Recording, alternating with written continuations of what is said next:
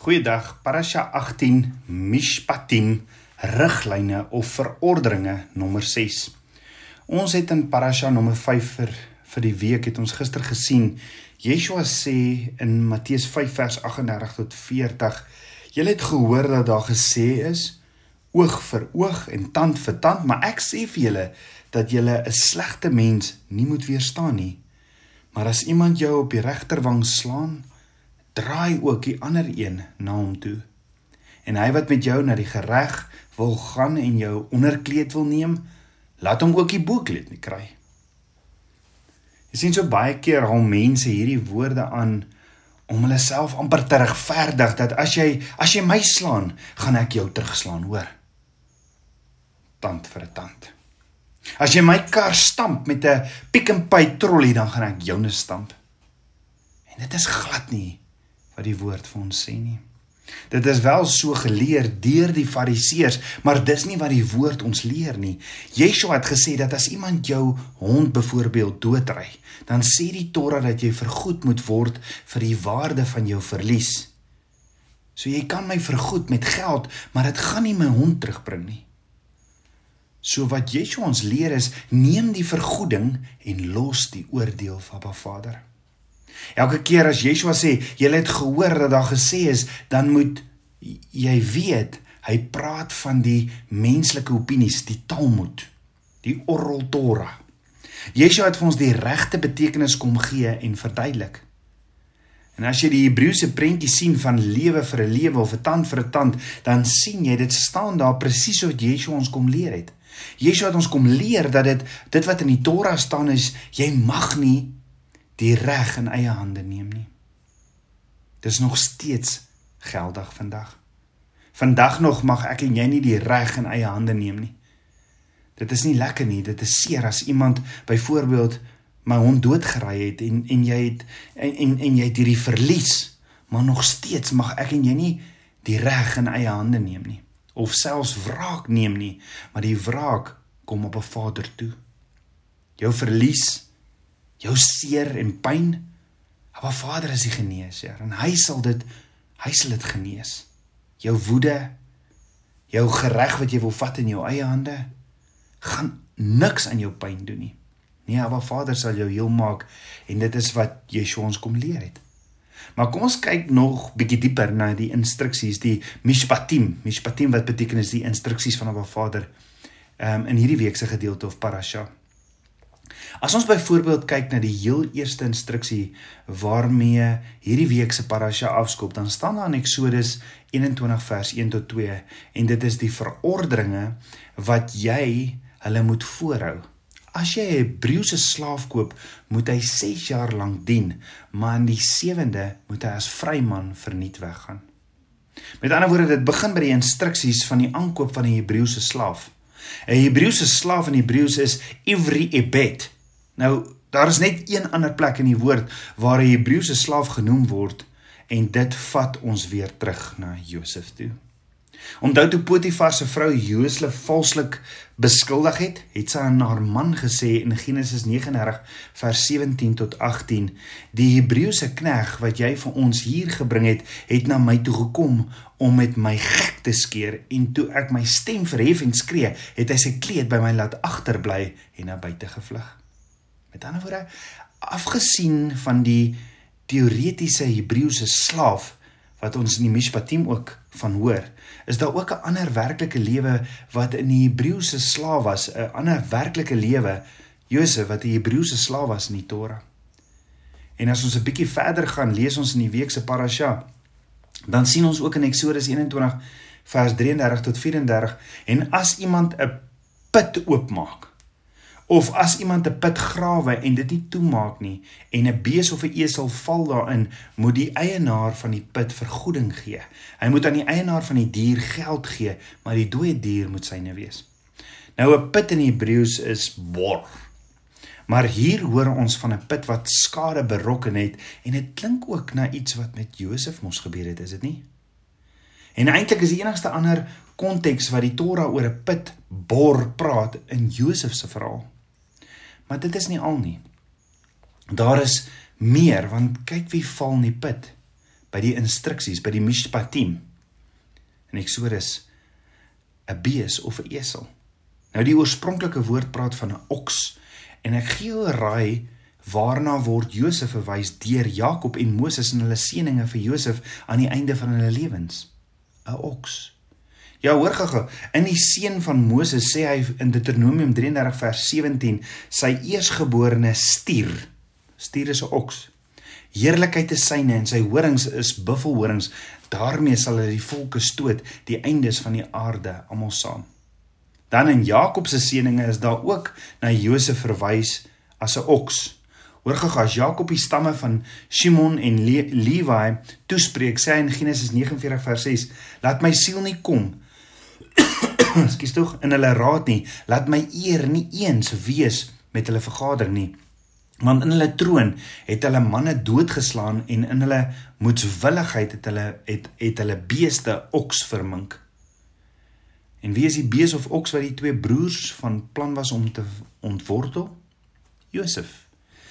So in die instruksies in die mishpatim het ons 'n bees of 'n oks wat ook in 'n put val en dis asof dit ook verwys na Josef wat in die put val, nê. Nee. As ons verder kyk na die instruksies in Eksodus 22 vers 10 tot 15, sien ons as iemand 'n dier of 'n vriend gee om op te pas en daar gebeur iets sleg met dit, of die dier sterf of breek 'n been of hy word gevange geneem en niemand was daar om dit te sien nie, gebeur nie en daar was geen ooggetuienis nie, is dit nie ook dink gou daaroor. Is dit nie ook wat met Josef gebeur het nie.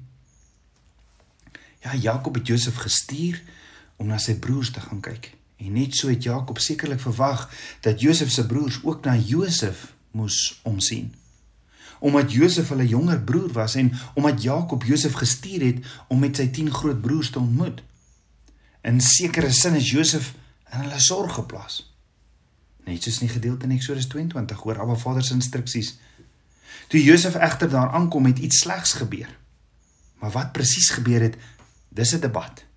Want net soos die diere in die Mishpatim het niemand regtig al die gebeure gesien ontvou nie. Jy sien ons as lesers weet dat Josef verkoop is, maar wat Jakob betref, hy weet nie. Hy weet nie wat die waarheid is nie en en wat met Josef gebeur het nie. Jakob en Josef se broers sit almal met 'n ander weergawe van wat met Josef gebeur het. As jy vir Jakob sou vra, sou hy vir jou sê dat Josef verskeer is deur 'n wilde dier.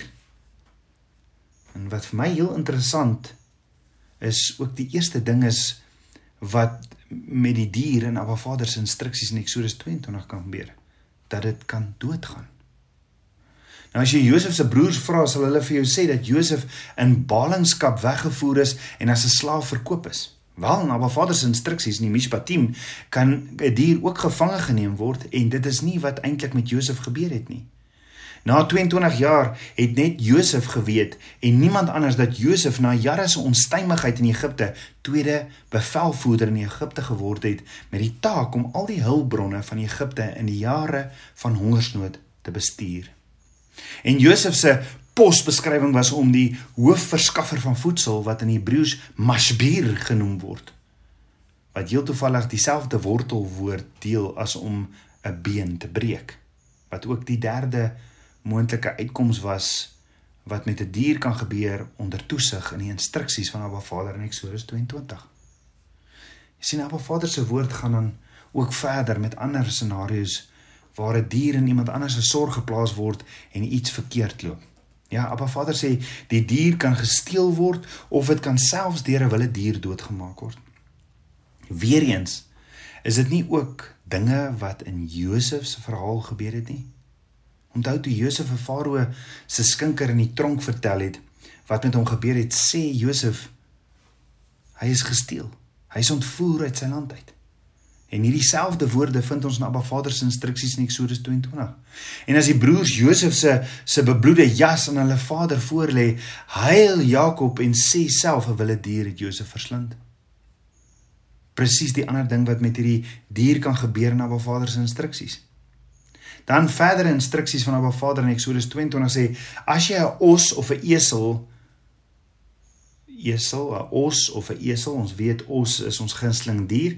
Ehm um, maar die woord sê as jy 'n os of 'n esel van jou vyand raakloop en die dier het sy weg verloor.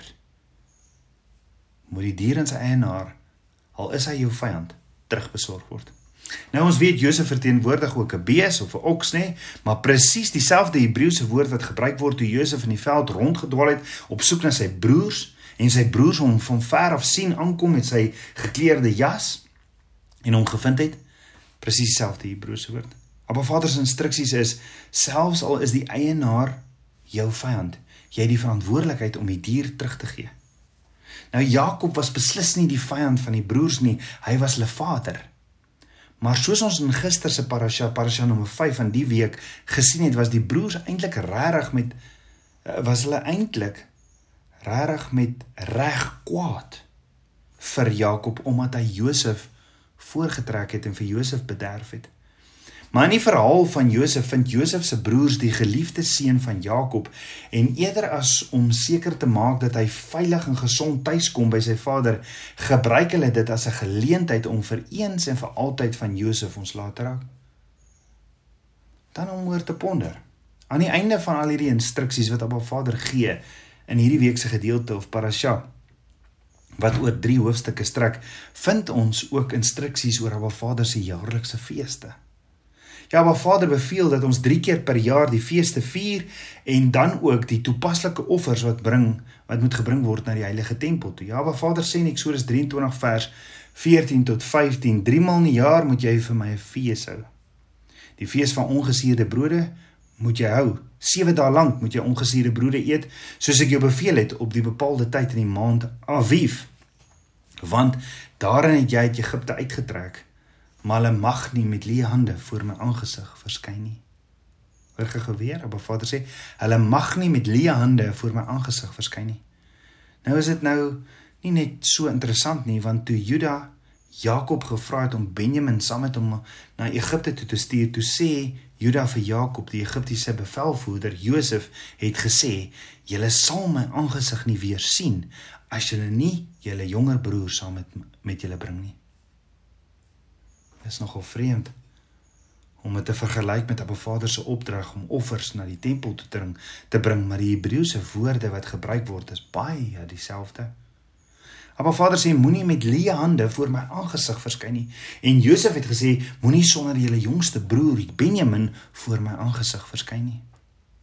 Let wel, dit word duideliker want aan die einde van al hierdie instruksies oor die feeste wat ook amper aan die einde van die hele regsgedeelte in die parasha Mispa 10 is sê Eksodus 23 vers 19 die beste van die eersteling van jou grond moet jy in die huis van die Here jou God bring. Jy mag die bokkie nie kook in sy moeder se melk nie. Met ander woorde as jy op die laaste dag van die feesdae voor op 'n Vader verskyn en jy jou offers bring moet jy letterlik seker maak dat dit die eersgeborene vrugte is. In 'n sekere sin het die hele stryd tussen die broers van Josef om die kwessie van die eersgeborene reg gedraai.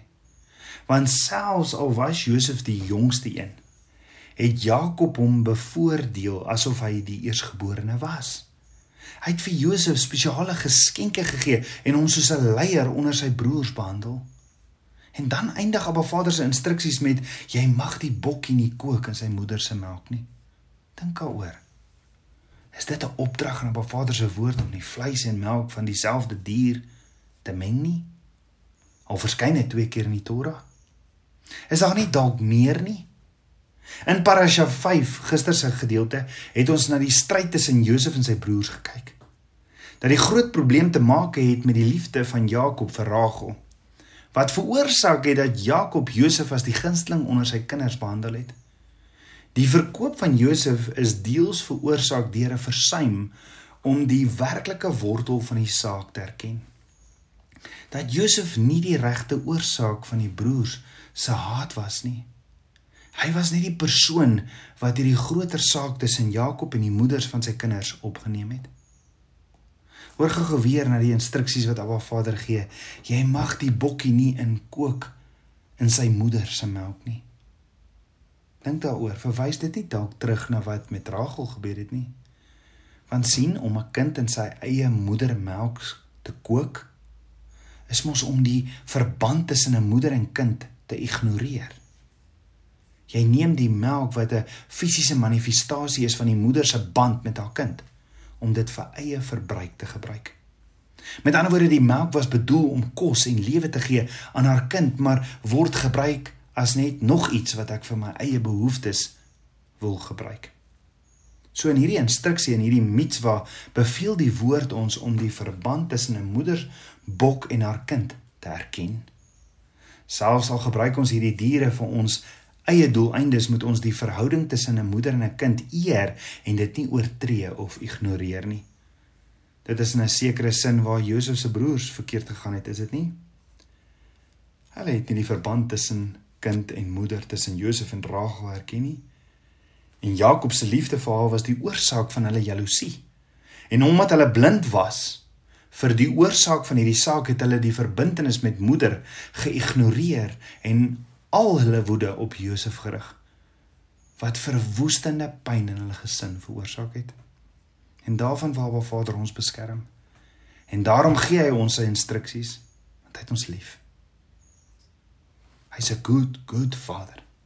Met ander woorde, Abba Vader is nie hier besig om vir ons hier enige dieetkundige instruksies te gee nie. Dit gaan glad nie uit hierdie konteks uit oor wat jy mag eet en nie eet nie.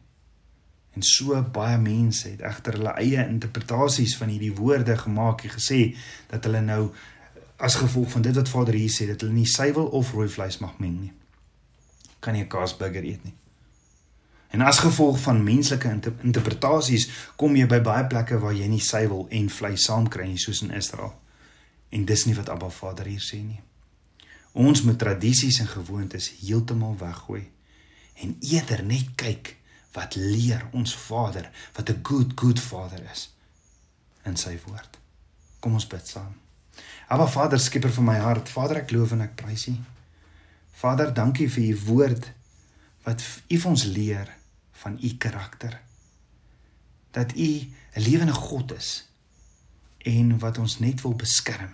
U weet hoe seer die mense, die mense kan maak en hoe seer die mense het en u gee ons instruksies om mekaar vir mekaar te beskerm. Vader, ek wil vandag bid vir die wat seer het. Vader, U is Jahweh Rafa, die God wat genees. Ek bid vir volle genesing deur Yeshua se wonde in Yeshua se naam. Dankie Vader vir u liefde, u omgee, u barmhartigheid. Meer en meer van u. Ek bid dit alles in Yeshua Messie se naam, die seun van Jahweh. Amen. Shalom.